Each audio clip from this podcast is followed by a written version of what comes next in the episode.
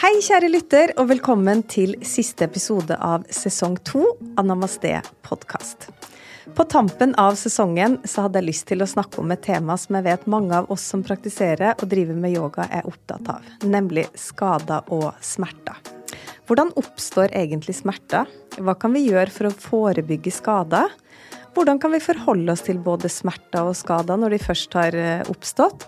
Og hva kan vi lære når vi møter utfordringer i praksisen? Dette er bare noe av det vi skal ta opp, og jeg gleder meg til å dypdykke litt i her temaene. Med meg i dag så har jeg ei fantastisk dame fra Ørsta. Marianne Kriken. Hun er både kiropraktor og yogalærer, men har også tidligere erfaring som toppidrettsutøver, og har kjent mye på kroppen i forhold til både skader og smerter. Velkommen til deg, Marianne. Tusen takk, og takk for at jeg ble invitert.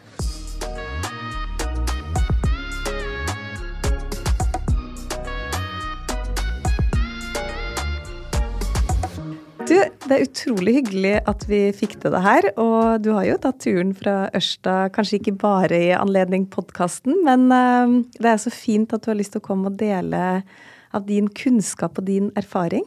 Ja, takk. Det er jo noe jeg brenner for. Så det gjør jeg med glede. Mm. Så bra. Du, eh, nå har jeg jo allerede nevnt, eh, og må liksom starte med det, men eh, din bakgrunn. Eh, for man kan jo liksom si at eh, du starta ganske tidlig med å sanke erfaringer rundt dagens tema. ja. eh, og det er jo egentlig på et vis dessverre, men egentlig så tenker jeg at heldigvis, faktisk. For det har lært meg så utrolig mye, og så har det tatt meg ned den veien som på en måte blei mitt liv, da. Min utdanning og så jeg er veldig heldig for at jeg har landa i en jobb som jeg elsker. Å kunne hjelpe folk til å oppleve bevegelsesglede, det brenner jeg veldig, veldig for. Eh, å møte folk med skade. Eh, og min erfaring var jo det at jeg fikk eh, mye skade som ung når jeg drev, med, jeg drev veldig aktivt med alpint. Mm. Og eh, dans og friidrett. Så jeg hadde en del ting som gikk på beina og gjorde at jeg fikk skader skade der, som jeg endte opp med å operere når jeg var 16 år. Mm. Um, og da gikk jeg på NTG på Geilo, på liksom alpinlinja der. Fikk supergod oppfølging på toppidrettssenteret og Olympiatoppen. Og eh, var, var jo gjennom et rehabiliteringsprogram der med proffe fysioterapeuter og også en som heter Håvard Engel, som er veldig god på bevegelse og koordinasjonstrening. Han brukte jo faktisk også litt dette med pust og tilstedeværelse. Allerede da? Allerede da. Og dette var jo på slutten av 90-tallet. Mm. Sånn 96-97. Og Haldor Skar, veit ikke om du har hørt om han, men han var jo professor på eh, idrettshøyskolen. Mm og har skrevet flere bøker. Han er også en kunstner. Mm -hmm. Men dette med liksom bevegelse, kroppsholdning, eh, hvordan det påvirker oss også, både fysisk, men også mentalt. Mm. Hva det har å si for humøret vårt og psyken vår. Hvordan vi bærer oss, og hvordan vi holder oss og beveger oss. Og, ja. Så og så fikk jeg også en skade. Jeg reiv av et korsbånd og litt forskjellig på den tida når jeg gikk på Geilo. Så det var mye rehab. Og det var jo Det er jo aldri gøy å være skada. Det, det er alltid mye frustrasjon, og en føler det som en setback. Men i ettertid, når en ser på det litt sånn retrospekt, så har det lært meg utrolig mye. Mm. Så jeg er egentlig veldig takknemlig for det, på et vis. Men um hvordan og hvorfor bestemte du deg da for å studere kiropraktikk? Ja, jeg fikk et uh, kompresjonsbrudd i ryggen da jeg var 15 år. Hadde hatt mye behandling i forhold til de skadene som jeg hadde i beina med fysio og sånn. Men det bruddet det ble jeg ikke oppdaga med en gang når jeg var på legevakt etterpå. Så jeg hadde en del smerter, så plutselig så Eh, i et friidrettsløp så låste det seg helt, så jeg klarte, liksom, klarte, ikke å fote meg. Jeg klarte ikke å stå på beina. Og da var det til kiropraktor, for jeg hadde jo smerten i ryggen. Men den kiropraktoren den tok først et røntgenbilde fordi han hørte hva som hadde skjedd på ski. Jeg hadde hatt et fall på et hopp, eh, så jeg landa på ryggen noen uker før. Og det viste seg at det var et brudd i en ryggvirvel. Ja. Um, så det var veldig bra. Føre var. Og i ettertid så var jeg ganske stiv i det området, hadde en del smerter når det hadde grodd. Og fikk en opplevelse igjen av at det låste seg helt og ble vanskelig på pust og alle sånne ting. Så da for jeg tilbake til angiopraktoren, og det var ei behandling, og så følte jeg meg så mye bedre. Så jeg følte at det var litt sånn Wow, går det an? For det jeg hadde hatt, var jo belastningsskade som tar tid. Men her var det på en måte en justering, og jeg følte at jeg ble egentlig nesten helt bra der og da. Så det var litt sånn magisk. Ja. Og så er jeg veldig opptatt av det med bevegelse og kunne få lov å hjelpe folk til en bedre livskvalitet gjennom å være i bevegelse på sin måte. Da. Vi har jo alle ulike standarder på hva vi har lyst til å gjøre. Ja. Så, og det er en veldig sånn helhetlig tilnærming til kropp og helse. Allerede, Jeg begynte å studere i 2000, men allerede da så snakker de mye om body and mind. Selv om det også er veldig evidence-based, evidensbasert, så, eh, så er det også å se hele mennesket og tro på at ved litt hjelp og litt justeringer, så har kroppen det den trenger til å reparere seg sjøl. Og det har den stort sett, selv om jeg også har tydd til operasjoner og sånn når det trengs. Ja. Men så du hoppa av, da, Ja. alpinkarrieren din, og så begynte du å studere Ja. kiropraktikk? For da skjønte du at det her var noe du hadde lyst til å jobbe med? ja. Ja. Det var egentlig at det ble så mye skade at jeg tenkte at eh, mitt mål som var jo å bli blant verdens beste, faktisk. Eh, og jeg hadde topp team rundt meg, og jeg hadde mange sponsorer. Så det var vanskelig valg. Jeg var 19 år og eh, kjørte rundt i sponsorbil og var liksom der. Eh, men så tenkte jeg at OK, fot i bakken. Um, jeg vil ha en kropp som fungerer når jeg er Da tenkte jeg jeg var gammel, og det var 40. Nå er jeg 43. Uh, men jeg husker jeg tenkte sånn Ja, jeg vil jo kunne gå på fjellet og nyte naturen og, og være, være med ungene mine sånn jeg blir gammel, som uh, var 40 pluss. nå er det flytta. Nå er, Ja, nå er det 70 pluss. Ja, ja, ja. 80 minst. Nei da. Så, så det Og det tror jeg egentlig var veldig lurt. For jeg tenkte at eh, nå tåler ikke kroppen min Jeg hadde hatt så mye skade. Det var flere brudd og masse ting. Så jeg tenkte at kroppen tåler ikke den belastninga det er å trene 30 timer i veka lenger, tror jeg. Eh, ja. Så jeg tenker at det var, det var rett av meg da. Og da, da var jeg faktisk ute og reiste i Asia, for jeg trengte en litt sånn break. Og der eh, så jeg noen som gjorde yoga. Ja. Ja, på ei strand i eh, Thailand. Og det, da ble jeg veldig nysgjerrig på det. Mm. ja, fordi mitt neste spørsmål var jo eh, Når kom yoga inn i livet, eh, og hvordan? Ja, jeg har tenkt på det, men jeg tror det var da. Eh, om det var i Thailand eller Malaysia. Men det var i hvert fall Jeg bare husker en morgen.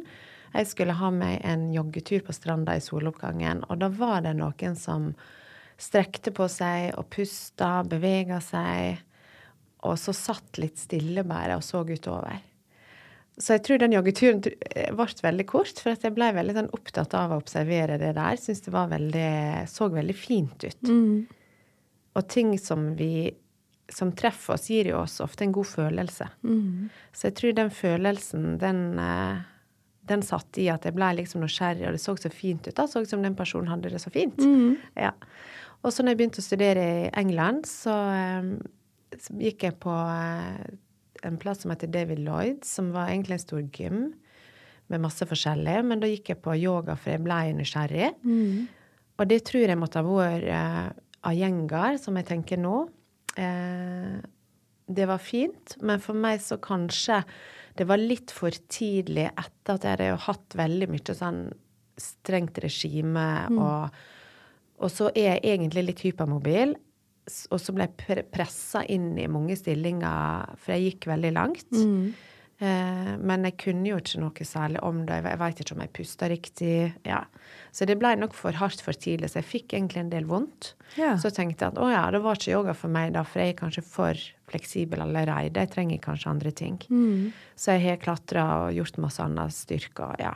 Men så kom jeg tilbake igjen til det eh, hele tida. Når jeg var gravid, så gikk jeg på gravidyoga eh, første gangen eh, i 2007. Første eldste dattera mi var født i 2008. Så da gikk jeg på gravidyoga her på eh, Balans, tror jeg det heter, oppe i Rosenborggata. Mm. Det var veldig fint.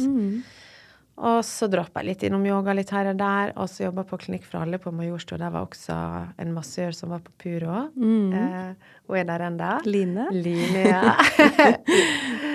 og hun husker jeg snakka om liksom dette med stanga, at hun var sånn Men jeg tror det er det som du må prøve. Ja. For det er jo litt sånn personlighetsavhengig kanskje hva som treffer oss, ikke sant? Eller til hva tid i livet også, tenker jeg. Hva vi trenger. Um, og dessverre så prioriterte jeg det ikke da, for jeg blei så Jeg var så inn i mange andre ting, og klatring og Men jeg tøyde og bøyde og pusta og gjorde liksom mye greier. Og så plutselig så var jeg, fikk jeg mulighet til å være med på Narstanga-teamet med en som heter Anders. Var med å starte AYO her. Eh, kanskje 2010-2011. Og da var det bare wow. Ja. Det her var fantastisk. Og så veit jeg ikke om du husker det, men så var jeg faktisk ganske tidlig, det var kanskje i 2011, så var du i, på Yam-yoga i Ålesund. ja, det var jeg. Og da var jeg liksom begynt å være veldig nysgjerrig på stanga, så tenkte jeg det må jeg fare og prøve. Og det var en kjempebra workshop. Eh, og det var litt sånn leikent, for jeg er opptatt av at det også skal være en litt leikenhet til det. Jeg husker vi øvde på å hoppe fram og tilbake med blokker. Og, ja. Det var veldig fint. Du hadde en veldig eh, stødig og ufarlig tilnærming til praksisen. Så hyggelig. Ja, det var veldig bra. Det tror jeg du aldri har sagt til Nei, meg. jeg tenkte jeg skulle spare det til nå. Da ble det ekte. Nei da. Det var veldig fint. Jeg husker vi snakka også om at du eh, var fra Oppdal, for jeg har jo mye kjent på Oppdal gjennom alpinmiljø. Ja. Så Nei, så det Og det var egentlig siden da som bare har det vår ei greie som har vært et kjempeviktig verktøy i mitt liv, da.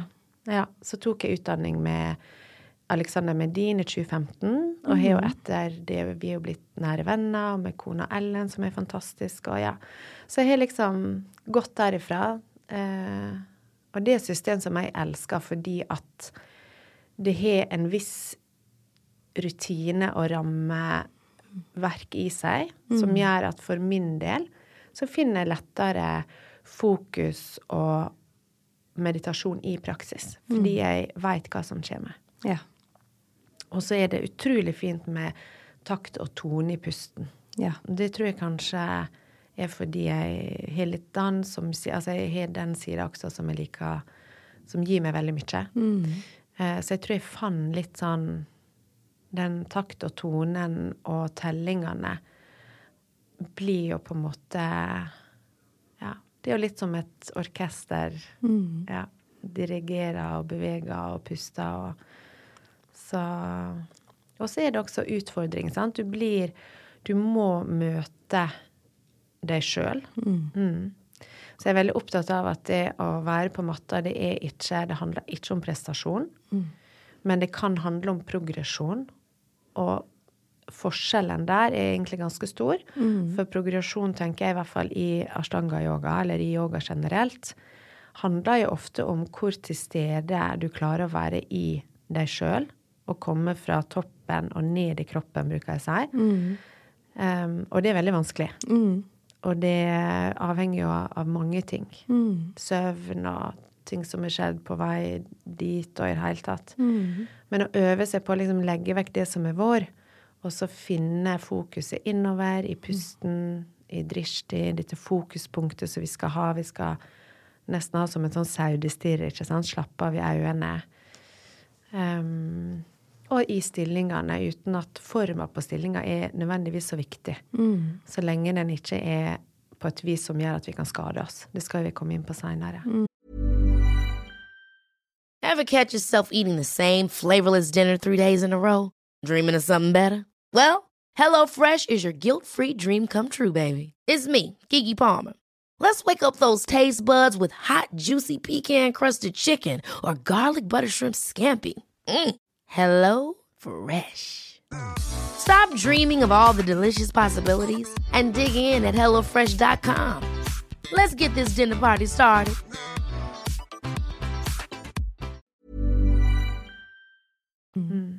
Ja, og det, det, er jo det er så mange som spør ikke sant, hvilken yogaform passer for meg, og så er jo det det her jeg snakka om før i tidligere episoder, og så er det alltid så vanskelig å for, for meg da, å skulle si hva som passer andre, ikke sant, fordi noen eh, liker at det er mye mer fritt, og at de har musikk, og at liksom Mens sånn som vi, da, tydeligvis, ikke, ikke sant, som har funnet stanga, så er det akkurat de her tingene du sier som, som gjør til at jeg finner en sånn ro i det. Um, så det, det, det er jo det som kanskje skiller stanga fra en del av de andre formene. Men det er jo som du sier, man må liksom finne det som passer for seg. De, som, eh, de som lurer på det, da. Eh, og så må man liksom teste og se hva som resonnerer. Og når du, finner, når du får den der følelsen som du snakker om, at bare Wow, Ja. her skal jeg være, liksom. Det her, og det var jo akkurat det samme som skjedde med meg. Hadde prøvd masse forskjellig. Hadde jo til og med liksom tatt en teacher training i, i engar-yoga. Ja. Og så når jeg liksom møtte ashtanga-yoga ordentlig for første gang, så var det det var bare et, som, et eller annet som sånn klikk. Her. Det her er riktig for meg, liksom. Og den følelsen husker jeg enda. Det er mange 20 er- år siden. ja, sant? Og den er nesten litt sånn euforisk. Mm, Det er helt fantastisk at en kan eh, gjøre noe som er Fordi jeg er veldig glad i ekstremsport, så jeg er Mm. veldig sånn fart og spenning og alltid vært søkende på det. Elsker opp i fallskjerm og liksom elsker det kicket. Men jeg kan faktisk av og til gå fra ei yogamatte og bare boble av sånn euforisk Mm. Og det er helt fascinerende. Så det Og det er mange ting. eh, Men av og til så er det slik at jeg ikke nødvendigvis skjønner helt hva var det som skjedde i dag, og som gjorde at det kom, men det bare løsner på et eller annet, og så kommer det. Og vi møter jo også mye motstand på matta. Men det, å, det som kan være interessant og nesten litt sånn gøy å utforske også, hva, hvem er jeg i møte med dette her? Og det tror jeg også gjorde at jeg likte ashtangene så godt, fordi at der, der kommer alltids motstand. Em, og motstanden kan jo være i starten bare å lære, å lære seg å huske, og lære seg puste inn og puste ut. Og jeg husker jeg drev og så, jeg bodde jo i Ørsta da jeg ble litt sånn eh, hekta på dette her. Så da var det mye YouTube og kino og Laruga. Eh, så på YouTube, prøvde å lære meg forskjellig. Hadde John Scott sin app. Ja, den som er helt avleggs i dag. Men det var, det var, jeg tror ikke det var video engang, det var bare sånne bilder. Eh, Men eh, Og i begynnelsen så kan jo det føles litt sånn forvirrende, fordi at du skal puste inn, strekke opp, puste ut, kom ned. Altså det Noen sier liksom Hvordan kan dette gi mindfulness eller ro? Men så skjer det noe, da. Når du plutselig får den flyten som er en sånn wow-opplevelse. Eh, og som er helt fantastisk. Og så møter du motstand, og så kan du føle både på frykt og tilkortkommenhet, at liksom du ikke på, på et vis er god nok, eller en møter jo alle disse mønstrene sine, da. Så de sier ofte at praksisen på en måte vasker oss for alt dette her. Um, nei, det er interessant. Jeg syns det er spennende aspekt ved det, da. Men når du bestemte deg for å ta da en teacher training i 2015, eh, var det med tanke på at du hadde lyst til å undervise, eller var det mer for å fordype deg sjøl i praksisen? Det var mest for å fordype meg sjøl. Ja. Så jeg hadde hørt om Alexander og forsto at han var den å gå til i Norge. Mm. Og jeg hadde lyst til å lære mer både om selve praksisen, men egentlig hele systemet, filosofien bak. Det er jo et fantastisk system, også det. Og litt den mentale biten, altså. Men hjerne og kropp, da, koble sammen det. Yoga betyr jo å koble sammen. Så å gå litt mer inn i det, å lære mer om det. Og så kjente jo jeg at jeg drev jo allerede yogastudio, hadde litt sånn mjuk-yoga-timer. Um, allerede før jeg begynte med den ashtanga-biten. Og så begynte jeg å undervise ashtanga og kjente at det var fantastisk. Og hadde pasienter som sa, som gikk til meg som kiropraktor, som begynte på ashtanga. Jeg var veldig bevisst på å ikke anbefale det, fordi at det er litt sånn i forhold til etisk når en har én rolle. Også. men flere spurte og var nysgjerrige og hadde lyst til å komme. Så spesielt en mann som hadde slitt med korsryggsmerter i ja, hele sitt voksne liv. Vært til mange spesialister, vurdert ulike typer inngrep. Veldig aktiv. Eh, gjorde egentlig alt han skulle sånn etter boka i forhold til rehabilitering. Og, men hadde disse smertene, da. Mm. Begynte på yoga Eh, vi hadde en sånn ashtanga for eh, stive menn. Yeah. det, det, var veldig, sånn, det var veldig trygt, tror jeg, å komme mm. dit. Det var lov å komme i de klærne en ville. Jeg måtte ikke ha yogatights og ja, hele den pakken der. Og han ble så bra at han sa på en time at eh, nå har jeg slutta å stå opp på natta og ta smertestillende etter jeg begynte med yoga, og fordi at det, det har gjort et eller annet med ryggen min. Ja. Så gjorde at han kunne legge seg. Han gjorde noen solhelsinger også før han la seg, for å få litt sirkulasjon, mm. koble på pusten. Det er masse bra som skjer, og skape rom. Eh, og så sov han hele natta. Så han, eh, han ble rett og slett avhengig av det pga. at det var smertelindring for han. da. Mm. Fantastisk. Fantastisk. Ja.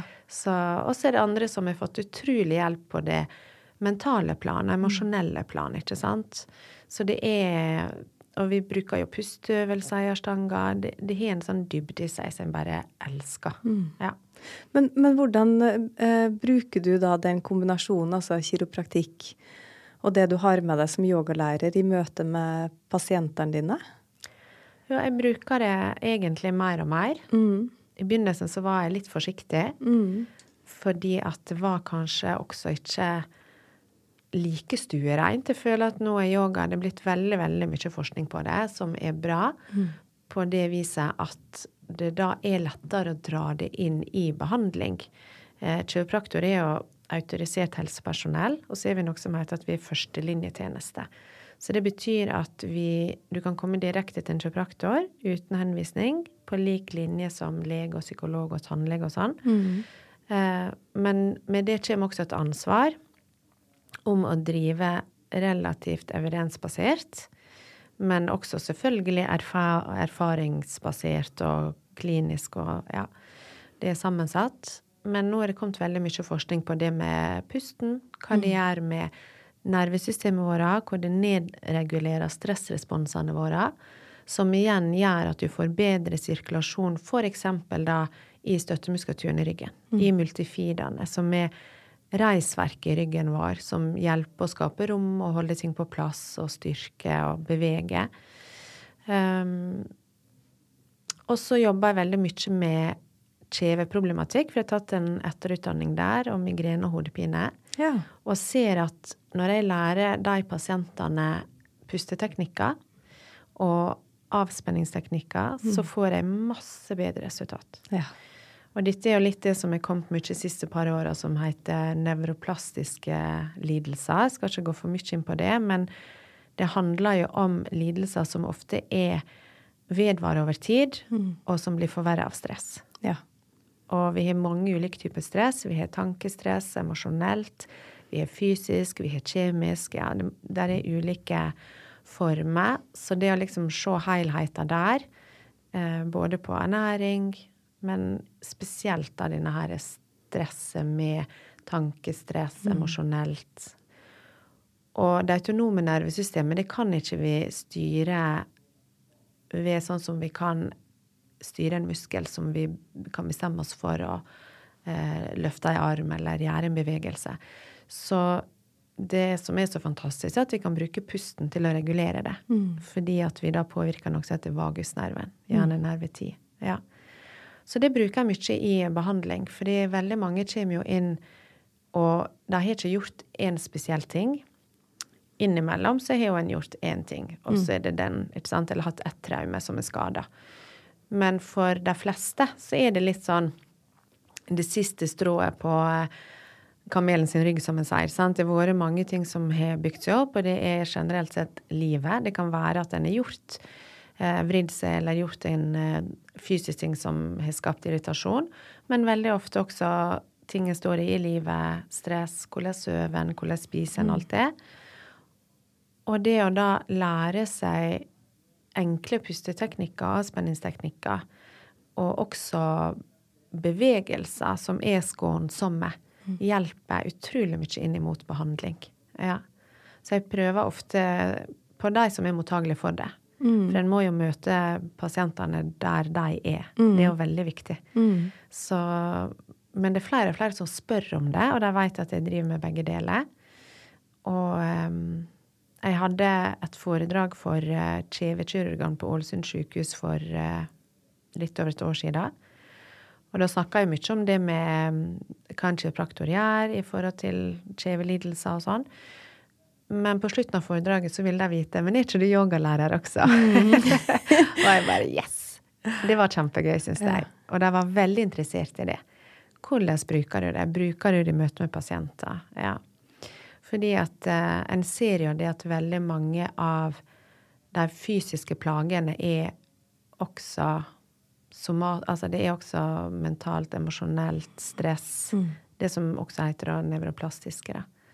Og det kan jo vi påvirke med pust og med tilstedeværelse og med de teknikkene som vi har i yoga, da. Mm. Mm. Og det er jo så fantastisk, fordi det er jo litt som du sier, at uh, i starten så var jo ikke yoga så stuerent. Og jeg, jeg, jeg, møtte jo så mye motstand, og alle trodde jo at jeg drev med noe sånn humbug, ja, ja. sekt ja. Du vet sånn. Veldig svevende. Du ble egentlig ikke tatt på alvor, da. Nei. Og jeg husker at jeg, Og jeg er jo en sånn type som ikke skal presse ting på folk, så jeg var sånn Måtte også se an veldig hvem jeg snakka med, om hvor mye jeg hadde lyst til å fortelle og ikke. Men så skjedde et eller annet liksom underveis, i hvert fall i løpet av de årene jeg har holdt på nå, at, at, det har liksom blitt mer og mer anerkjent. Og det er jo som du sier, at det handler selvfølgelig om at det har kommet mye mer forskning på det. Mm. Eh, men plutselig så føler jeg at liksom helsesystemet anerkjenner yoga, og de anbefaler det. Absolutt. Og det har jo vært sånne små seire, i hvert fall for meg personlig, ja, ja. som har liksom vært veldig frempå med yoga, da, og vært veldig for å få det her ut. Um, men som ikke har en helsefaglig bakgrunn, ikke sant. Men at man føler at man blir tatt mer på alvor, og det, det er jeg så glad for at det har skjedd en positiv utvikling der. Ja, ja så, så, sånn som når du da som fagperson og med din bakgrunn faktisk kan flette inn yoga i behandling, i møte med pasienter, så er, da, da syns jeg vi har kommet ganske langt. ja, og det er sånn Her en dag så hadde jeg en pasient, og når vi hadde behandla det vi skulle, så fikk hun fem minutter med teppe og øyepute og ligge og bare puste og slappe av. Og det er klart at det er utrolig bra for nervesystemet, mm. og det gir en bedre effekt av behandling, mm. faktisk. Mm. Stort sett. Mm. Så det er Nei, det syns jeg er veldig gøy. Ja. Men du, eh, vi skal snakke om smerte. Mm. Og for meg så er det en sånn finurlig greie som jeg ikke blir helt sånn klok på. Jeg er jo i gåseøynene snart en gammel dame. Så jeg har nå opplevd mye forskjellig smerte, både på det emosjonelle planet og det fysiske planet. Vi skal snakke mest om det fysiske. Eh, men kan du prøve å forklare liksom si noe om hvordan smerte oppstår? Ja.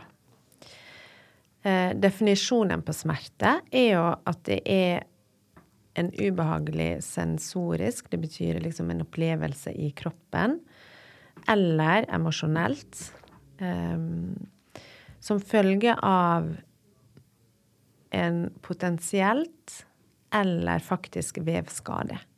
Mm. Um, og det betyr at det er egentlig en, eh, et faresignal som vi skal ta på alvor mm. når vi blir skada, når det skjer en faktisk skade. Men siste året så har en lagt til en potensiell skade. Eh, fordi at hjernen vår kan også oppfatte ting som egentlig ikke er skade, som farlig. Ja. Og det handler jo litt om erfaringer vi har gjort før, og om frykt.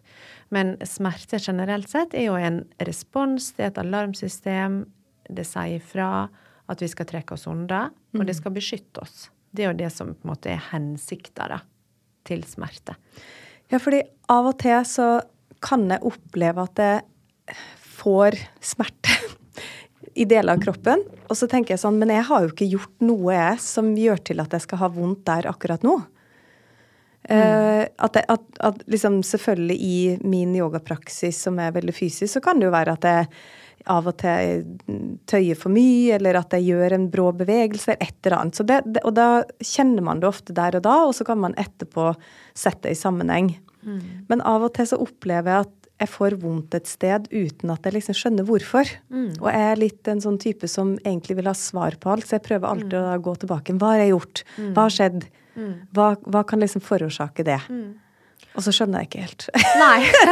Nei, men det er jo ikke så lett. Ja. Og dette her er jo et uh, veldig komplekst tema. Smerte er veldig komplekst. Det blir forska utrolig mye på.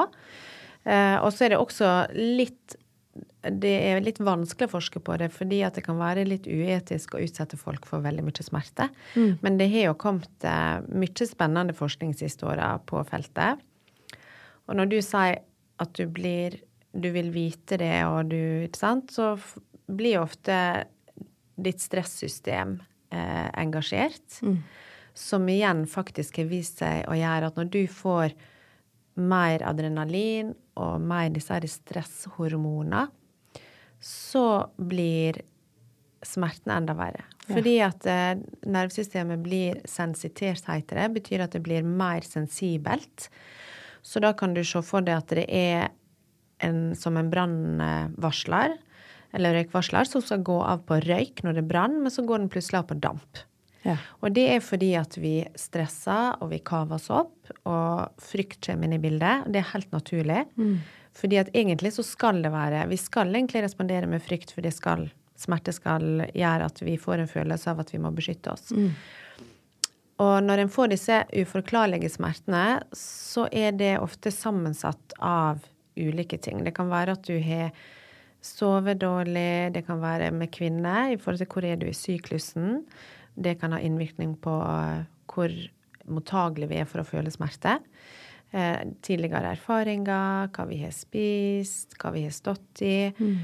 Og så blir alle disse tinga lagt på, og så skal det plutselig veldig lite til for at en kjenner noe. Så det blir som at det gir en beskjed, kroppen din gir en beskjed som om denne røykvarsleren da, som går av på damp, eh, som egentlig skal gå av på røyk. Så det blir for sensitivt. Og der er ikke nødvendigvis en skade i det hele tatt. Eh, det er jo det som skjer med fantomsmerte, f.eks. Hvis noen mister deler av en kroppsdel, så kan en erfare smerte der fortsatt, Ja. og så er ikke kroppsdelen der. Ja. Men det er rett og slett hjernen som tolker det, og den blir for sensitiv. Og setter på eh, smertesignal selv om det i utgangspunktet ikke er en skade. ja. Mm. Men hvordan skal vi da forholde oss til smerte?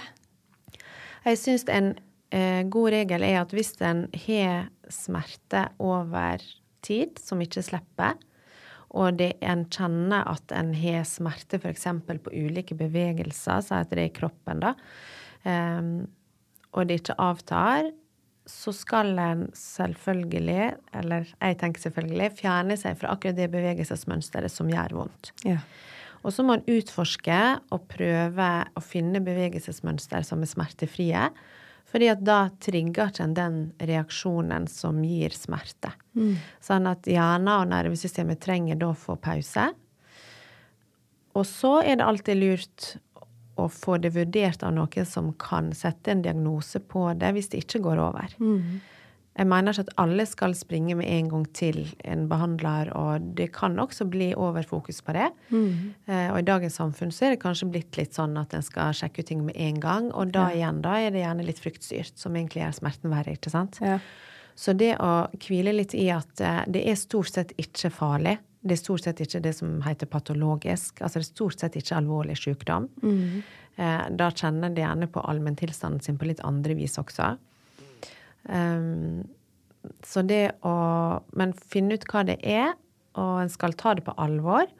Og samtidig så skal en også tørre å utforske litt mm. sine bevegelsesmønster. Og så se OK, kan jeg bruke pusten? For at pusten har faktisk vist seg Nervesystemet og hjernen vår det er noe som heter plastisk. Og det betyr at vi kan Det er formbart. Og det er jo fantastisk. Det betyr at vi kan lage oss nye vaner. Mm. Eh, vi kan lage oss nye atferdsmønster. Men det er vanskelig, for det krever repetisjon og fokus. Men med pust så blir det enda lettere tilgjengelig. Så det å gjøre en stødig pust, det roer jo stressresponsene i kroppen og i nervesystemet vårt. Det er på en måte bremsen på den delen av eh, nervesystemet som styrer stress og fight og flight. Mm. Og det parasympatiske, som er det som styrer ro og harmoni, og blir også kalt velvære-nervesystemet, da. Eh, det blir mer påkobla, og da får vi mindre, opplever vi mindre smerte. Mm. Så det å faktisk eh, sette seg ned og puste litt når en opplever smerte mm. Jeg bruker å lære pasientene mine fire-fire pust, eller fire-seks pust, som har vist seg å være den mest effektive eh, pusten for vagusnerven. Da puster du inn sakte på fire, og så er du litt lenger utpust på seks. Ja. Fordi at utpusten påvirker vagusnerven enda mer. Og det vil da dempe og nedregulere stressresponsene, som gjør at hjernen tolker mindre faresignal også ute i kroppen, og du mm. opplever mindre smerte. Enkelt forklart. Ja. Det har faktisk vært studert, gjort en studie på dette i Norge, ganske på Universitetet i Oslo, eh, som har vist seg at i møte med kroniske smerter, eller det som heter vedvarende smerte nå, da, eh, men også veldig de som har smerte som er nevroplastiske, kaller han det nå. Migrene, hodepine, fibromyalgi, utmattelse. Mm. Men også emosjonell smerte som depresjon. Og har veldig positiv effekt av pust og pusteøvelser. Mm. Mm. Og så kan du puste deg opp, og så kan du puste deg ned. Det vet du sikkert. Det er jo mm. ulike øvelser for ulike eh, ting som en trenger, da. Ja. Mm. Og så det du sier litt sånn innledningsvis, så handler det også litt om hvordan vi da møter det her første møtet med at vi kjenner noe i kroppen. Ja. Fordi det er jo litt sånn som du sier, at hvis man med en gang du kjenner noe, begynner å bekymre deg og begynner å, som jeg sier, da, at jeg skal jo finne forklaring på det, ikke sant? Mm. Men så vet jeg jo at de gangene jeg kan kjenne på noe, og så tenker jeg sånn åh, ja ja, men det går over. Og så bare slipper jeg det. Mm.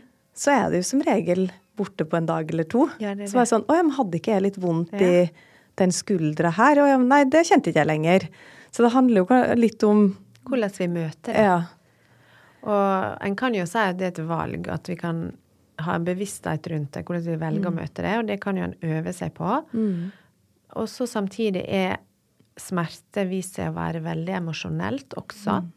Og det er veldig fryktstyrt. Altså at 80% av smerteopplevelsen sitter i frykt. Ja. Eh, det blir mye brukt inn mot fødsel, f.eks. Ja. Eh, pusteteknikker fordi klarer du å puste og være trygg og vite at mest sannsynlig så går dette Det går stort sett veldig bra. Mm. Og ha fokuset der, så får en mindre stresshormon i blodet. Oksytocin, som hjelper på og får sterkere rier, får komme mer, for en slipper å konkurrere med adrenalin og disse stresshormonene. Så, så en får ofte en eh, lettere fødsel, mindre komplikasjoner. litt også eh, forska på. Mm. Og jeg tenker vi som har tre unger her, vi er jo seks unger oss imellom. En med keisersnitt, da. Dessverre. ja, ikke sant. Men vi har jo vært gjennom mm. altså det er vel ingenting som kan måle seg i forhold til smerter, tenker mm. jeg, med fødsel. Det er jo mm. helt ekstremt, mm. men også helt fantastisk eh, hva kvinnekroppen kan gjøre. Jeg jobber også mye med kvinnehelse. Men, eh, men, tilbake til det, da, så er det det med frykt at eh, Prøve å møte det med en aksept, mm. og så utforske. Mm. Og det er jo litt yogafilosofi, tenker jeg. Mm yogaen er jo så fin fordi at den er så fin å bruke i livet, av matta. Ikke sant? Møte det som kommer med aksept, være i det, puste, utforske. Um, og da får en automatisk også ned stressresponsene, som igjen gjør at ofte så blir det mindre vondt. Men ikke alltid. Men, og, og vi er forskjellige, ikke sant? Så der er sjelden en fasit som fungerer for alle, men eh, stort sett så er det lurt å puste og utforske. Jeg har hatt akkurat samme opplevelsene at jeg har i begynnelsen av en praksis kjent på en smerte. Um, jeg har f.eks. et kne som jeg har operert noen ganger. Av og til kan jeg krangle litt hvis jeg var på fjelltur dagen før og sånn. Og så bare testa litt ut, utforska. Jeg veit at det er jo ikke farlig. Det er bare kroppen som prøver å fortelle meg noe, så jeg må lytte til. Og så plutselig så er det vekk. Ja. Og det er jo helt eh, magisk. Nå sier jeg mye det ordet, men jeg syns det er fascinerende, det.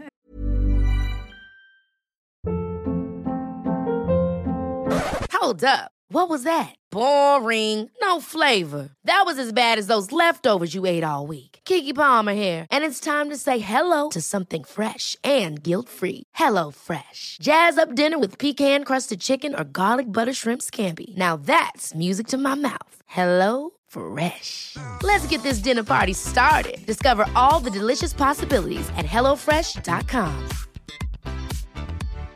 One size fits all seemed like a good idea for clothes Nice dress. Uh, it's a it's a t-shirt. until you tried it on. Same goes for your healthcare.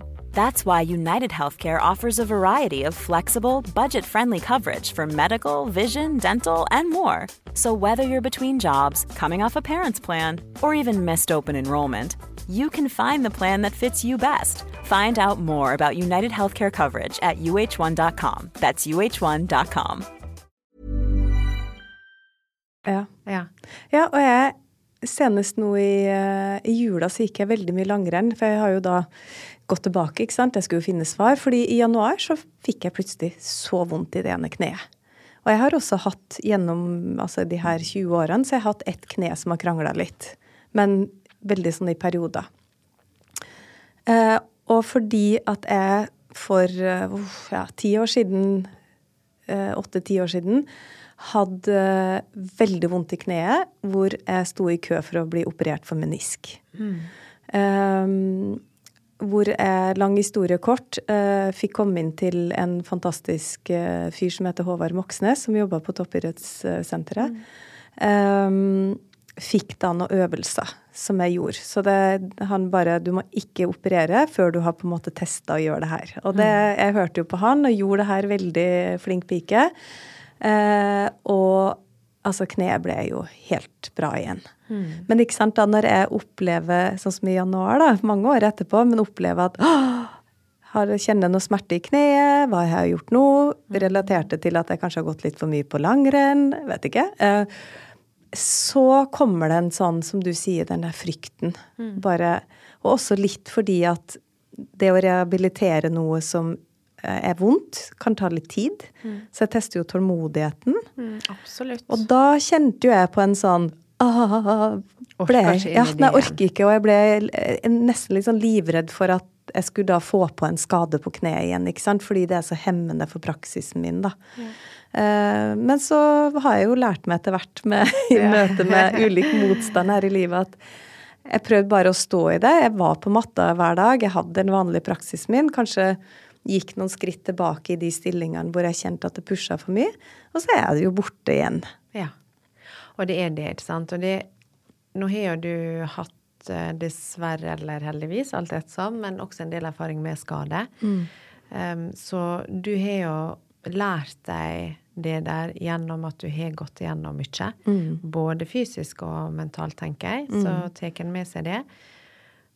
Og det mest naturlige er jo å bli redd når en kjenner at en får vondt. Og som sagt er jo det litt sånn evolusjonsmessig eh, hjernen vår og sånn. Det er sånn vi skal reagere. Men så kan vi også da prøve å ha en bevissthet rundt at stort sett så går det over. Og stort sett så blir det bra. Og sjelden trenger operasjon, men av og til. Jeg rev korsbåndet når jeg drev med alpint. Det må opereres.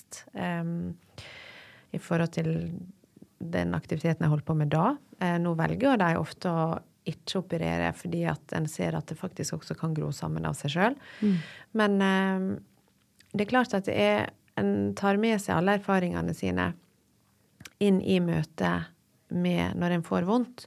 Og det er kjedelig, og en kjenner at 'å, jeg orker ikke en sånn ny runde der jeg må begynne å justere praksisen min', og kanskje gjøre disse litt kjedelige pirkeøvelsene. Og så er jo det da en øvelse i Jeg skal snakke litt yogafilosofi, da, men og det å gi sjølomsorg. Eh, ahimsa, det å ikke skulle utøve skade på seg sjøl eller andre i ord, handlinger og tanker. Men jeg tenker at det kan også være det samme som å gi kjærlighet innover og sjølomsorg. Og jeg prøver å oftere og oftere tenke hva hadde jeg sagt til min datter i dette møtet? Sant? Hva ville du sagt til Nå blir jeg nesten litt rørt. Jeg har akkurat konfirmasjon, så jeg er litt sånn emosjonell.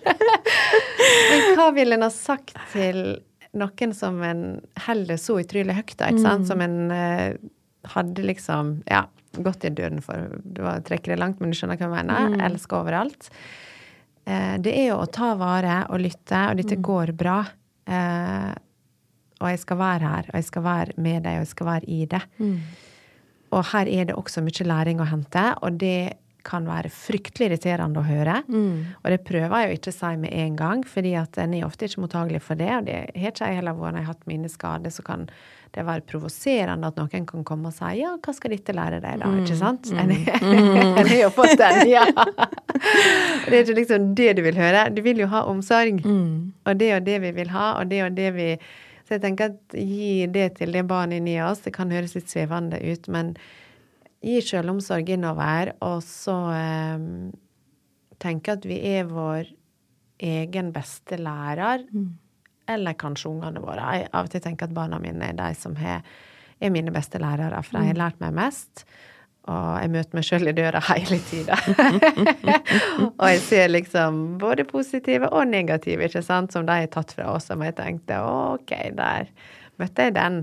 Eh, og også i våre mønster i å møte. For det å møte motstand. Altså, å møte sånne skader og smerte er å møte en motstand. OK, hvordan er vi da mot oss sjøl i det? Og det er litt interessant når en har fått det litt på avstand. Ja, det er jo først når du har kommet ut av det og kan se tilbake, at du skjønner at oi, men her var det noe jeg skulle lære. Ja. Men når du står i det, så er det jo så innmari vanskelig å tenke det. Ja. Men å øve seg, tenker jeg, det er jo dette med eh, Det med at nervesystemet er plastisk. Eh, å øve om og om igjen, det gjør at nervekoblingene blir sterkere. Og vi lager nye nervebaner. Og det kan være tankemønster, ikke sant? Sånn at vi lærer oss da. Vi kan faktisk eh, Det, heter at 'nerves that fire together, wire together'. Det betyr at det vi øver på, og det vi gjør ofte, det kobler bedre sammen. Og jeg bruker å forklare at det er som at du går på en litt sånn humpete kjerrevei som er litt gjengrodd, og, og etter hvert så blir det en motorvei. Det bare flyter. Nerveimpulsene, signalene, bare går av seg sjøl etter hvert. Det blir automatisk. Du blir flinkere til å tenke at ta vare på meg sjøl, sjølomsorg, hva er det jeg trenger i møte med dette? Og det er veldig vanlig, sånn som du sa, at en sier at en tar et par steg tilbake. For på en måte så er jo det det, men jeg liker å si at det er et steg til side. Det er mer som en liten sånn pause. OK, hva skal jeg være i her? Og utforske det. Og det kan lære oss utrolig mye da, om, eh, om oss sjøl. Og i yogaen så har vi også eh, noen prinsipp som heter vairagya og byasa. Vairagya er jo praksis, det å liksom møte opp, ha en stødig praksis. Men det handler jo ikke om prestasjon. Det handler ikke om at du skal være på matta og utøve, være en sirkusartist, ikke sant? Det, det er ikke hva du gjør, og, og hvor bra du gjør av stilling, men det er å komme på matta. Og av og til så er det nok å komme på matta og bare sitte og puste, fordi en kjenner at kanskje livet er for overveldende akkurat, eller vært for mye. Jeg vet at du hadde en prolaps og hadde veldig vondt i ryggen en periode. Og jeg hørte på en av podkastene dine at du sa at da kom du i studio, på matta, bare satt og pusta. Og det tenker jeg måtte ha gjort underverket. Både mentalt og emosjonelt, men også rett og slett sånn nevrofysiologisk i møte med det smertebildet. Og i ryggen. Ja. At akkurat også fysisk. Ja, jeg blir, nå ble jeg jeg nesten litt rørt, ja. fordi eh, ehm, Jeg skjønte jo ikke da at jeg gjorde noe riktig, men for meg akkurat eh, på det tidspunktet så var det bare så viktig å ha, opprettholde rutinene mine. Mm. Fordi at jeg opplevde, å- og på, på tidspunktet her så opplevde jeg å bli eh, altså, syk mer sånn influensa, bihule Jeg hadde masse bihulebetennelse på samme tidspunkt. Eh, så, så, og det å bli sengeliggende, det var så destruktivt, Ja. altså sånn mentalt for meg. Og når jeg har den rutinen med alltid liksom gå til, eller dra til studio og og så var det jo kjempefrustrerende selvfølgelig å ikke kunne gjøre en fysisk praksis. Ja, ja. Men bare det å Altså, jeg bygde jo opp med puter og tepper og bare satt og pusta og liksom gjorde det lille, bitte lille jeg kunne, da. Mm. Og det er jo som jeg har sagt før her òg, at jeg liksom Jeg vet ikke, jeg satt kanskje 10 minutter, kvarter, 20 minutter. Og så la jeg meg ned, og så gråt jeg. Ja. og så sov jeg litt i shavasana, ikke sant. Og så, og så Men det var liksom praksisen i ja, i hvert fall et par måneder, liksom. Og det syns jeg er helt utrolig inspirerende. For det, det syns jeg er mer inspirerende enn en veldig avansert praksis. For ofte eh, Det andre prinsippet, vairagia, det handler jo om å gi slipp, detachment. Og det i asjangeren, så tror jeg også at det mange som driver med det, eh, kan nok bli litt sånn grepet av selve praksisen. Og det kan være ganske avansert, og vi kan ta masse push inn i det. eh, Og piske oss sjøl litt gjennom ting. Hvis ikke vi stopper opp og har en bevissthet rundt at vi ikke skal det. At det handler om så mye andre ting. Og det å gi slipp på praksisen sin, også den fysiske, men følelsen det gir å ha gjort en eh, praksis som er lang, og som er opp og ned og fram og tilbake, og vi vrir og vi gjør alt mulig, sant? det gir oss også en veldig deilig følelse det er kick, det også, Det er et kick, det Ja. også. Så klare å gi slipp på det, og bare komme og sitte og puste og være i det som er, det syns jeg er så fantastisk. Det er mye mer eh, Det er inspirasjon, det. Det er Men vet du hva det var verst for? Det var jo egoet mitt. Ja, for det er det jeg tenker. Det må ha vært veldig vanskelig. Ja. Å møte det, å være den, og mange vet jo hvem du er. Og det liksom Å ja, der sitter hun og bare puster. At, en, at en tenker det. Men jeg tror For det er den sjølkritiske som sitter på skuldra si. Men hadde jeg kommet inn i yogarommet da, så hadde jeg tenkt wow. Tenk at hun kommer hit og gjør det. For hun kunne valgt å sitte i skjul hjemme og gjøre det. Men hun kommer hit og gjør det. Guri hvor modig.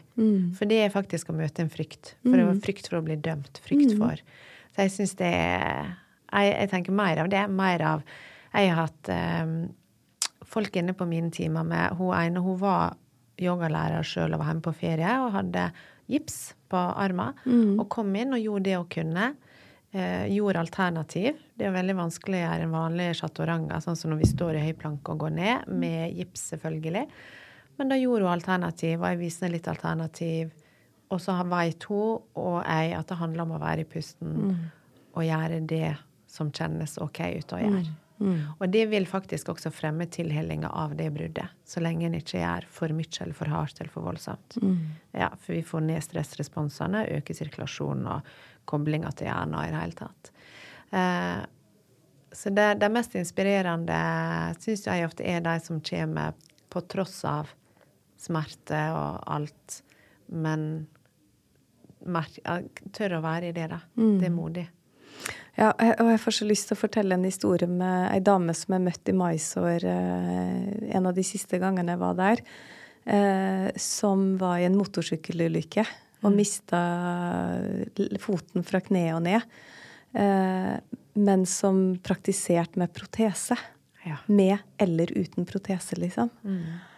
Og det var bare sånn eh, Altså, det, det, det motet og det den Hva skal jeg si Det det krever å på en måte fortsette en praksis når du har mista en kroppsdel, liksom, det var Så jeg ble altså så imponert. Altså aller mest eh, Altså én ting er at hun fikk det veldig mye, da. Men, men eh, det der mentale biten rundt det var altså så fascinerende. Ja. Så og det, Ja, det er inspirerende, og det er jo brukt mye i opptrening etter, altså veteraner eller de som har vært i krig og har mista eh, arm eller fot, eller det å Yoga kan jo være et fantastisk system, og stanga også, i møte med skade, både det fysiske At en åpner opp og en mjukner det som er stramt, og en styrker det som er svakt. For vi får beskyttelsesmønster eh, som blir svekka når vi får en skade som sitter over tid. Og da trenger vi å trene den opp igjen og styrke den igjen. Og styrke det gode bevegelsesmønsteret som ofte har blitt et kompensatorisk mønster som ikke er så bra. Um, men også den mentale biten. Og det er jo det som er så fint med yogaen, at det er hele du. Altså det er hjerne og kropp. Det er ikke Du skiller ikke på halsen, liksom. Nei. Det er um, det er hele deg, og med alt du kommer med den dagen her og nå. Ja. Ja, og det, det mm, had- Det jeg hadde lyst til å spørre om, er jo at fordi yoga blir jo ofte promotert med at liksom det er så bra for ulike smerter og plager og skader, og liksom Da blir man liksom anbefalt å begynne med yoga, da. Eh, og at det er et veldig sånn helhetlig rehab-system, på en måte, da. Men, men er det det for alle? Altså liksom Ja, nei, Kan det ja. hjelpe mot alt? Der er vel ingenting som fungerer Eller jo, bevegelse og aktivitet fungerer nok for alle på et eller annet plan. Eh, Det har forskning vist. Vi trenger det, og hjernen vår trenger det. Um, helsa vår og emosjonelt og alt. Men um, Og så er jo yoga et fantastisk helsesystem, egentlig. I India så er jo der et eget universitet der du på en måte blir nesten som en fysioterapeut, men innen yoga. Og nevrologer som driver og forsker på hva de ulike yogastillingene gjør med oss, og med hjernen vår, og med nerveimpulser, og med hjertet. Så det er et fantastisk system i møte med skade hvis det blir brukt riktig som et rehabiliteringssystem. Nettopp fordi at det tar med pusten, som tar ned stressresponsene og fryktresponsene våre, som gjør at tilheling av vev blir mer effektivt, og vi opplever mindre smerte. Eh, Vi øker sirkulasjonen, og vi øker disse her reparasjonshormonene i sirkulasjonen vår. Endorfin og serotonin og Så der er, det legger til rette for en bedre reparasjon, rett og slett. Eh, rent sånn fysiologisk. Og så er det ofte godt å kunne gjøre noe, og yoga er jo en rolig bevegelsesform som kan være både skånsom og kontrollert. Men det kan også være det motsatte. ikke sant? Det, det er egentlig litt sånn med alt at vi kan misbruke det også. Og eh, jeg tenker at det er kommet mye forskning nå som viser at en stødig pust gjør at inflammasjonsprosesser i kroppen går ned. Vi får bedre mental helse av det. Vi sover bedre. Dette er liksom, Det er for masse forskning som kommer nå, tung forskning. Um, vi fokuserer bedre, vi husker bedre. Det er forebyggende for hjerte-karsykdom. Altså, det er bra. Det er bra i møte med eh, arthritis. Det heter på norsk eh, slitasjegikt og skade i ledd. Um, men igjen, da, så betyr det at en bør ha en lyttende praksis, og så gjerne en lærer som kan gi øvelser i forhold til hva du trenger. Han som starta stangayogaen på Tabby Joyce, um, han gjorde jo det. Han eh, skreddersydde jo program til jeg skulle til å si pasienter, da, men yogaelever, studenter, i forhold til skade, og i forhold til til og med hvis de hadde høyt blodtrykk eller diabetes. Han brukte jo det litt sånn ayurvedisk også, i, som en sånn indisk eh, medisinsk bakgrunn, på en måte. Ja, system.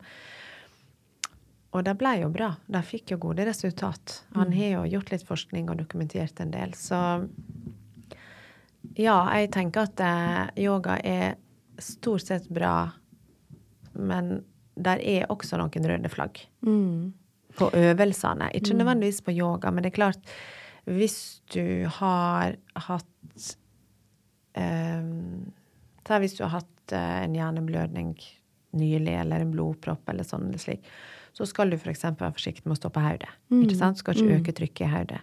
Så, så der, er, der er også røde flagg. En kan ikke være naiv og tro at alle stillinger alltid er bra for alle, for det er ikke det. Nei. Og vi er strukturelt anatomisk ulike også. Leddene våre er ulikt utforma. Noen har mer vinkling på hofteskålene sine utover, noen er mer innover. Noen har mer lårbein som går innover. Eh, knærne går innover eller utover. ikke sant? Hjulbeint, kaldbeint. Og de tinga skal jo en også ta hensyn til. Og det er jo derfor i yoga at noen stillinger er lettere tilgjengelig enn for andre. Og vi møter alle våre kjepphester eller våre utfordringer eller begrensninger. Eller hva, Mm. ja, ikke sant? Så um, Men jeg tror at hvis en lærer seg å finne gode alternativ, så er det et kjempegodt verktøy innimot. Og det er derfor det kommer mye også nå i rehabiliterende trening. Jeg hører jo fotballag som er eliteserie, som får yogaøvelser med fysioterapeut med pust, og ha hver morgen. Det kommer mer og mer, fordi en ser at det har en kjempebra effekt. Stort sett. Men jeg fikk en, et spørsmål, eh, og du, du har jo vært en del inne på det. Jeg fikk et spørsmål fra en følger, for jeg la jo ut i går eh, at vi skulle ha den episoden her. Eh, og da var jeg som lurt på om kan ashtanga-yoga minske smerter i kroppen? Nå vet jo ikke jeg hvilke smerter det er snakk om, da. Men, men hva hadde du På generelt grunnlag, ja. Men igjen så betyr jo det jo personavhengig til den personen om noen av oss har en lettere, en større tendens til å pushe. Mm. Og da kan jo ashtanga-yogapraksisen bli nok en ny plass der vi pusher på og ikke lytter, og vi har den sterke viljen. Og så er vi, for jeg er i den kategorien. så jeg har gått på en smell der. Mm. Det er ofte sånn vi lærer. Um, og så liker jeg å pushe. Det er liksom En del av min personlighet ligger i at jeg, jeg trives med å pushe grensene. Um, så hvis den er av deg, så, og som kanskje ikke lytter så mye til den fryktbiten, så må en ta et steg ja, tilbake til side, da. Og utforske litt alternative bevegelsesmønster. Og i noen stillinger, si hvis det er vondt i en skulder, er vondt å puste inn, strekke armene opp, så pust inn og ikke strekk den armen opp, men du kan strekke den andre. Og du kan gjøre sånne typer tilpassinger, og så vil det stort sett bli bra og bedre av seg sjøl. Og en kan lære seg å aktivere støttemuskulaturen rundt f.eks. hvis vi skal ta skulder, da, så er det mange stillinger som jeg tenker er en perfekt rehabiliteringsøvelse når vi f.eks. står i kriger med armene rett ut. Så kan vi lære oss å aktivere mellom skulderbladene, trekke dem inn og ned. Og det er en kjempebra øvelse for å styrke stabiliteten i hele skulderleddet og i øvre del av rygg, som ofte kan være svak eller stiv når en får skulderskade. Eh, Og skuldra kommer mer på plass der den skal være. Så mm, ashtanga-yoga er, kan være kjempebra i møte med skader. Det kan minske smertene hvis vi bruker pusten og vi utforsker. Og de som kanskje er mer fryktstyrt eller mer eh, har en litt sånn Hva skal jeg si en eh, For det er absolutt ikke lat, men litt laid back. Litt mer sånn happy go lucky eller chill tilpassing til ting, på en måte. da. Eh, de trenger kanskje å tørre å utforske det litt mer, og tørre å prøve. Eh, og ikke være så veldig holdt igjen av den smerten, så lenge det ikke er en akutt skade. Det skal en selvfølgelig ta med ro så og så mange dager. Så? Hvis du har skada en menisk, da, for eksempel, eh, fått en rift, eller at du har revet av ei sene eller et leddbånd, eller fått et brudd. Selvfølgelig det skal ha ro til å gro. Men hvis det er litt sånn som den du sa eh, innledningsvis, at en kan av og til få en skade, og så veit en ikke helt hvorfor den oppstår, så er det ofte ikke så alvorlig, og en kan med fordel egentlig tørre å utforske og puste og se hva som skjer. Ja, og prøve å stramme litt ulike muskler rundt og se ok, hjelper det hvis jeg strammer litt her eller slipper litt der. Eh, ja, utforske bevegelsesmønsteret sitt litt og se. Men jeg skal ta med ett spørsmål til eh, rundt og det er ashtanga, det òg, men, og det er kneskader. Mm. Knær er jo ganske utsatt i ashtanga, og jeg vet veldig mange er sånn nei, ashtanga passer ikke for meg fordi jeg har operert et kne, eller har uh, noen skruer der, eller ja. du vet sånn. Uh, og her var spørsmålet hvordan unngå kneskader, heling og uh, tid som må til, da. Ja. Hva vil du si om liksom knær og Knær og yoga, ja. Det er jo lett igjen, da, som kan jo det bli veldig sånn Vi er jo et prestasjonssamfunn, mm. uh, som jeg også føler har begynt å bli veldig obs på det. Så det går, tror jeg, rett vei at det begynner å bli brems på Og praksisen kan igjen da bli en forlengelse av det. At vi skal prestere, vi pusher. Og rett og slett den fysiske pushen det kan bli på knærne i yoga. I, vi gjør jo mye det som heter lotus, at vi eh, bøyer kneet veldig og tar opp foten. I mange av stillingene av og til så vrir vi rundt det, eller så bøyer vi oss fram. Og det øker rett og slett trykket inni kneet. Mm. Og hvis vi er uforsiktige og presser for mye, så kan en rett og slett ødelegge noe. Altså du mm. kan rive av, du kan ødelegge en menisk. Og det er liksom i verste fall, men stort sett så blir det på en måte bare i gåsehauget en inflammasjon, altså en betennelsesprosess, fordi at kroppen reagerer på at den igjen og igjen, eller kneet da, igjen og igjen, igjen blir satt i en stilling som er for mye press, og det tåler det egentlig ikke så godt. Og så blir det hevelse og vondt og smerte. Og når det er kommet dit, så må jo en backe ut. Mm. Um, stram, vonde kne i yoga kommer ofte av at en egentlig er stram i hofta, hoftelesbøyer og ryggen. Mm. Så det å da kjenne at en liksom OK, slipper godt i hofta, slipper godt i hofteleddsbøyeren, koble på det som vi kaller bandas, men som også er liksom kjernemuskulatur, bekkenbunn og kjerne. Puste. Og så ikke presse, men heller løfte foten, og heller rett og slett litt sånn fysisk holde kneet, holde under kneet og la kneet slappe av ned i handa di, da, for mm. å forklare det, mm. i stedet for at du presser framover og bøyer deg fram, da. Eh, eksempel en Janushirsasana A, for mm. å snakke litt sånn ashtanga-yoga. Mm. En stilling der du strekker ut ene foten, og så trekker du opp den andre og bøyer deg fram. Mm. Men hvis du da bøyer deg fram, og kneet står veldig opp, mm. så er egentlig ikke fleksibiliteten tilgjengelig enda, og det handler jo ikke om stillinga og hva du klarer. Og de sier jo det at det, å si en er for stiv til yoga, det er som å si at en er for skitten til å ta sitt bad. Ja. Altså, er det noe som bør gjøre yoga, så er det egentlig, hvis du er veldig stiv, så er mm. du ofte kjempegodt utbytte av det. Men du må ta det gradvis, og du mm. må bruke pusten, og du må få ned spenningene. Og du må slippe her, slippe i hofta, slippe i ryggen av setet, koble på kjernet og så gjerne holde det. Mm. Og prøve å ikke trigge smertene. Hvis du har fått smerte, så prøv å la være en periode, ei uke eller to, og ikke trigge smertene. Mm. Fordi at da får du ro til å hele sjøl. Mm. Men hvis vi hele tida trigger, så setter vi i gang en betennelsesprosess. Så det får på en måte ikke fred. Nei.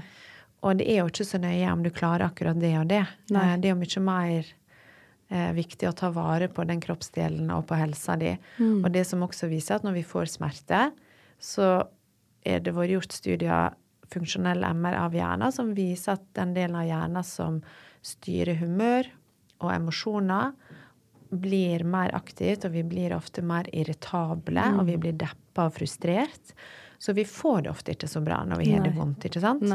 Så, så, det er liksom en måte å ta vare på å heile seg. Bare ikke push inn i det, for det er ikke Den stillinga er ikke viktigere enn at du har det bra. Nei. For å liksom se det store bildet, da. Mm. Jeg bruker å si at det er sjelden lurt å pushe inn i motstand. Og det har jeg måttet ha lært, for at jeg kan ja. fort gjøre det. For jeg har en litt sånn sterk vilje, mm. og jeg har også dessverre litt konkurranseinstinkt. Men på matta så har jeg virkelig lært meg å slippe det. Mm. Eh, sånn som før jeg kom hit i dag, så var jeg på Puro og gjorde min praksis. Men jeg kjente at jeg reiste i går, og jeg skulle hit, og jeg kutta ut de mest avanserte, krevende, fordi at det er ikke det det handler om. Jeg tenkte i dag trenger jeg dette fra praksisen, mm. så da gjør jeg dette.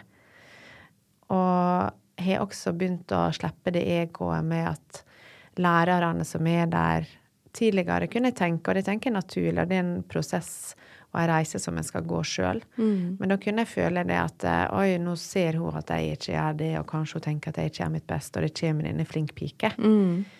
Men så er jeg så blitt så trygg i det, og også med lærere. Min erfaring er at de fleste lærere som har holdt på ei stund, de vet at det handler ikke om hva du gjør, og hva du klarer. Nei. Og det handler om å være til stede og puste og ha det fokuset, og ha fokus innover, og ha en praksis som skal nære, og ikke tære. Ja. Så det er um, Så kne, back litt ut, pust, utforsk. Det kommer til å bli bra, men det blir fortere bra hvis vi gir det litt kjærlighet og omsorg og, og lytter. Ashtanga er jo en lyttende praksis, så øve seg på det. Det er jo jeg, Selv om det er irriterende, så er det jo en mulighet til å øve seg på å akseptere og, og være i det som er, da. Og lytte. Det er jo det vi prøver å Ja. Ta meg det- ut i livet òg. Ja, ikke sant? Og det, det var det jeg mista litt tråden der, men det å pushe inn i motstand skaper ofte bare mer spenning. Og det er det fysisk, rett og slett, i kroppen. Hvis du strammer deg og puster. Du har sikkert opplevd når du står i bru, ikke sant, så kan det føles ut som en nesten ikke får puste. Eller ei- den avanserte stillinga som jeg hørte du snakka med Francesca om, kapotasana, som er veldig, veldig djup bakoverbøying og åpner veldig opp både rygg og bryst og alt. Superintens, trigger veldig fort frykt, kan være mye ubehag i den. Eh, men det å møte den Jeg husker Alexander sa en gang til meg når jeg drev og kava med den lenge, mer enn tre måneder, sånn som hun gjorde. Du mener ti Ja, år? Nei da. Kava fortsatt med den, selv om jeg har gjort den i sikkert åtte år. jeg vet ikke. Men den, er, den kommer og går uh, hvordan den føles. Um, men stort sett alltid utfordrende. Men det å liksom hengi seg altså, Marianne, prøv å bare surrender. Bare hengi deg. Kjenn liksom Å, det går bra, liksom. Jeg er trygg. er Sånn. Ja, og det å, å hengi seg inn i noe som er kan oppleves litt utrygt og litt farlig, er, kan ofte gjøre at det løsner et eller annet, da. Ei spenning som løsner. Og så var ikke jeg mer fleksibel fra den ene dagen til den andre, og kroppen min var mye det samme, på en måte. Men innstillinga mi og møtet med det var helt annerledes. Og plutselig så fikk jeg en bedre opplevelse. Så det, jeg hører ofte stemma hans når jeg kjenner at i dag satt den litt langt inne, og det ble litt vanskelig. Så går jeg opp igjen, og så prøver jeg en gang til. Og så OK, pust, det går fint. Liksom hengi meg. Ikke farlig. Litt, ja. Og så plutselig så yes. Så uh, får jeg en mindre intens opplevelse og mindre smerte, på en måte, da. Og jeg bruker nå å si som lærer også at du skal unngå smerte som er skarpe, og som er typisk veldig vonde. Det er jo kroppen sin måte å si fra at dette her er for mye, og nå kan du potensielt sett gjøre noe skade. Ja, så det er litt sånn stopp. Det er stopp. Ja, får du en, en skikkelig Skilte, liksom. Ja, sant? Og du sikkert kjente når du fikk prolaps, og kanskje du fikk en nerveklem. Da må en backe ut, en må skape rom, og en skal ikke prøve å puste seg inn i en avklemming av en nerve, eller en avrivning av et leddbånd, eller en, en slimposebetennelse som en kan få som, hvis en gjør mye det samme hele tida. Eh, men det å puste seg inn i litt sånn stramt ubehag, det er litt annerledes. Mm. fordi at den, det kjenner, oppleves litt annerledes. Du, du kjenner ofte at du går til et punkt, og der stopper det. OK, men det er ikke vondt, ubehagelig, men det er ikke veldig vondt. OK, kan jeg puste litt her? Kan jeg utforske det? I stedet for å møte det med å pushe. For da blir det ofte bare mer spenning, det blir strammere. Og det er litt sånn både på matta i yogapraksisen, og så bruker jeg også å tenke og ellers i livet. De gangene jeg har pusha for mye i en situasjon, ikke sant, fordi at mitt ego eller jeg vil, eller et eller annet noe jeg skal oppnå, eller Det er veldig sjelden en god ting. Ja. Jeg tror de fleste av oss har erfart det. Og så kanskje det er slik vi også blir litt ydmyke, da. Og tenker at OK, der pusha jeg, der gikk jeg for hardt inn, eller jeg pusha for lenge, og det ble for mye spenning. Mm. Ja. Møtte meg sjøl i døra. det er jo det man ofte gjør.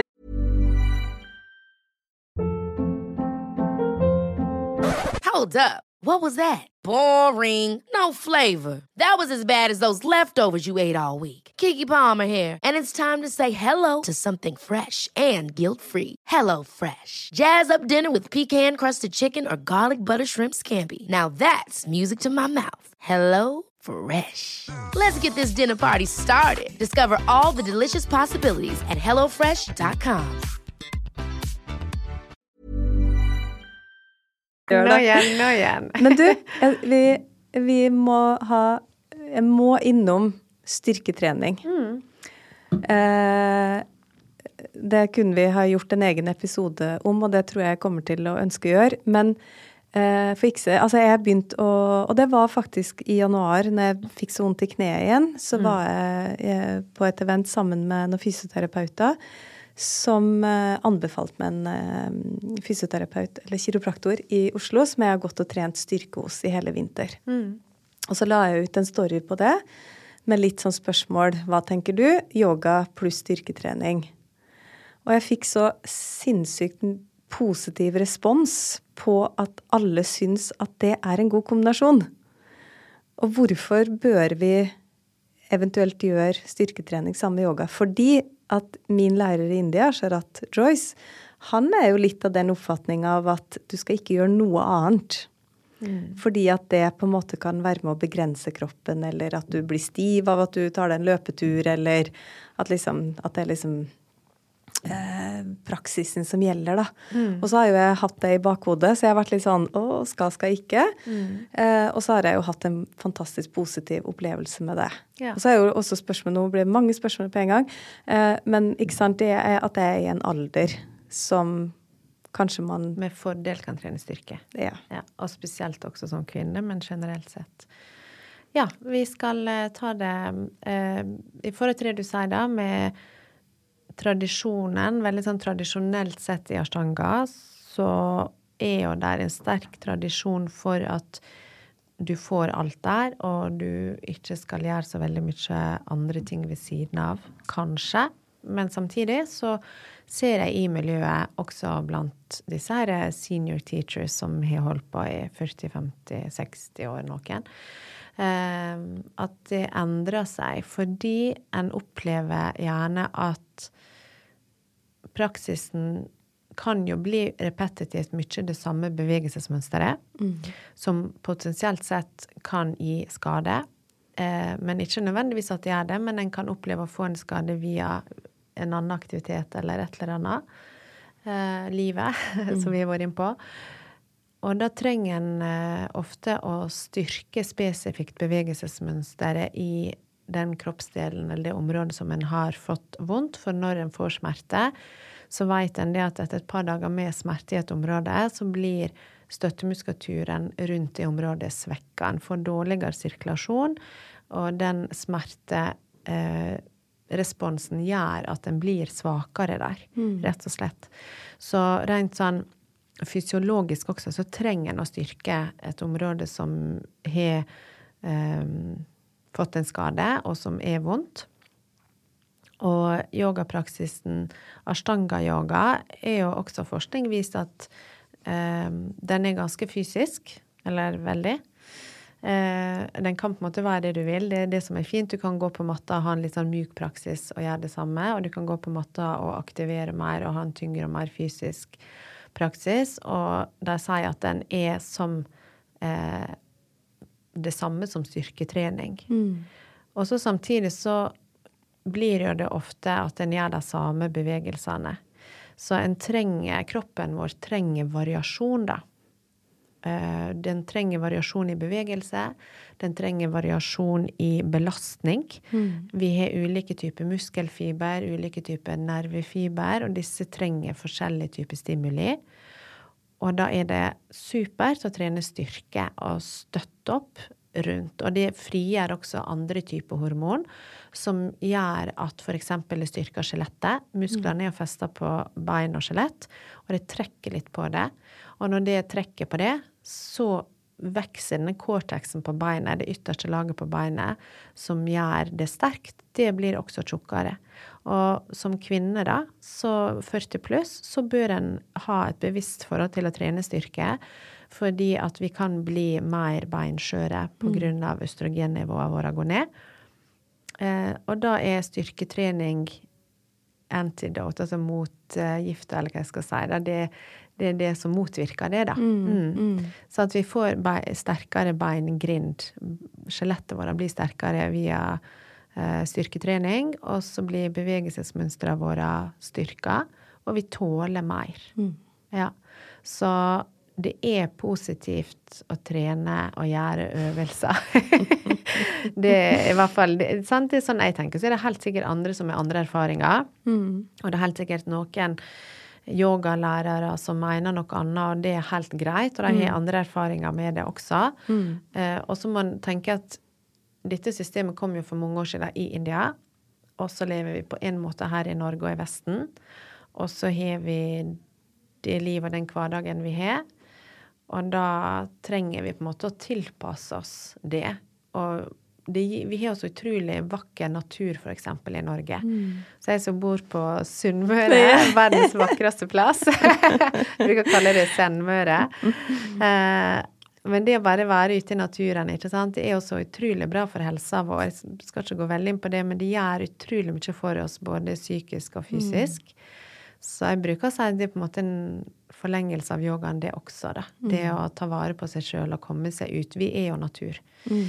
Um, så det å trene kondisjon OK, hvis du er glad i å jogge og springe. Og da fikk jeg en gang høre at det må ikke du gjøre så mye, for det blir vanskeligere å få foten bak på eh, ryggen. Eh, bak hodet. Bak hodet ja. Mm. I noen av disse stillingene. Og så lytta jeg og tenkte OK, droppa det litt av periode. Og så kjente jeg at eh, men jeg trenger jo det for ja, O2-opptaket mitt, hjertet Det er mange andre ting de er bra for. Du får masse endorfiner. Det er jo som en lykkepille. Mm. Um, det, er, det gir en utro... For meg så gir det en veldig god følelse, og for noen så gjør ikke det det. Og da må de finne noe annet, tenker jeg. Mm. Uh, men nå gjør jeg det med god samvittighet. Lagt fra meg til flink pike at jeg er nødt til å gjøre sånn og sånn og sånn. For jeg kjenner at det nærer meg, det gir meg noe som er bra. Og det er det viktigste. Og det er mm. kjempebra for helsa mi, og en vet at variasjon er bra. Så om dagen etterpå i min praksis at det er litt stivere og litt mer vondt å få foten bak, så behøver ikke jeg ta foten bak da, Nei. akkurat den dagen hvis jeg kjenner på det. Men av og mm. til så er det ingen sammenheng. Av og til så kan jeg ha jogga en mil, og så gjør jeg yoga dagen etterpå, og så føles det bedre. Ja. Og av og til kan det føles stivere, og da bare gjør jeg et alternativ. Mm. Fordi at det handler ikke om den stillinga som jeg skal få til. Nei. Og for meg så blir liksom den totalpakken verdt det, da. Mm. Av det varierte. Jeg liker veldig godt å klatre. Og det er jo ikke nødvendigvis veldig bra for f.eks. den kapotasana-stillinga som vi snakker om, som er veldig sånn Åpner skuldrene veldig mye og brystet, og klatring blir du stiv og stram der. Men jeg er ikke villig til å gi slipp på det for å få en bedre kapotasana, for det er jo ikke det det handler om. Nei. Da må jeg heller puste og utforske den kapotasen dagen etterpå, da, hvis jeg kjenner på det. Mm. Ja. Så jeg tenker at yoga er et verktøy og et helsesystem som vi skal bruke for å nære. Og så må vi også tillate oss å gjøre andre ting i livet som både, ikke minst, som er gøy, og mm. gir oss en sånn lekenhet og letthet til ting. Mm.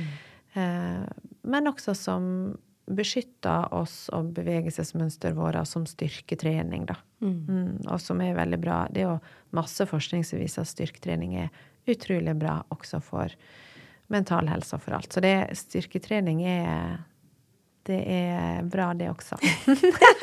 da har vi fått uh, ja. understreka det. Ja. Du, du skal få lov til å avslutte, som jeg alltid gjør, med ditt uh, beste råd? Altså yoga, livet Ja, jeg tenker jeg har bedt deg om å tenke og, på noe. ja. Jeg tenker at yoga og livet er jo mye i ett, det samme. Uh, og på nynorsk Jeg er jo fra nynorskbygda Ørsta. De har et veldig fint ord som heter kjærleik. Mm. Og det er kanskje mitt favorittord, fordi at eh, det betyr jo kjærlighet. Eh, men det har den leiken i seg. Kjærleik. Og jeg er veldig opptatt av bevegelsesglede. At vi skal finne våre former for bevegelse som gir oss noe. Eller en form for leik som gir oss noe. Det kan være å spille et instrument også, ikke sant. Det som gjør at du kjenner at du kommer i din litt sånn flytsone, har det bra. Og så tror jeg også at livet kan fort bli veldig alvorlig, og voksenlivet kan bli veldig oppspist av forpliktelser og alvor, og det kan bli et jag. Så hvis ikke vi er obs, så tror jeg vi kan miste litt leiken og gleda. Så jeg er veldig opptatt av kjærleik. Kjærleik. Ja, fordi vi skal fortsette å leke oss, men vi skal også gi sjølomsorg og kjærlighet innover til oss sjøl, da, som du vil gi til ditt barn, ikke sant? Og huske at vi, vi har med oss alle versjoner av oss sjøl inne i oss. Fra vi er Altså, jeg er Marianne fem år i noen settinger, dessverre. og ti år og 15 år og ikke sant? I møte med tenåringsdattera mi så kan jeg tenke at oi, nå må ikke jeg liksom bli Marianne 15 år, jeg også, eller skjønner du? Eh, så Men gi liksom omsorg og kjærlighet innover. Eh, fordi at har vi mye mer å gi til andre. Det kan føles egoistisk, og det kan Noen kan tenke at det er litt sånn flåsete eh, på et vis. Men jeg tror at hvis du ikke gir kjærlighet innover til deg sjøl, så har du mindre å gi ut også. Ja, og hvis du ikke leker deg, så blir du oppspist av dette alvorlige, litt sånn tunge, trøtte Ja. Så kjærleik. Gi Fantastisk. kjærlighet innover, og leik deg. Du, det var, det var et eh, fantastisk fint resonnement, og et mm. veldig fint ord å avslutte med. ja. Eh, tusen hjertelig takk for at du hadde hadde lyst til å dele. ja, tusen takk for at jeg fikk lov å komme. Det har vært veldig fint. Mm. Takk. Og så sier jeg takk for den sesongen her, hvis det er her, denne episoden du hører på nå til slutt. Eh, og på gjenhør. Ha det bra.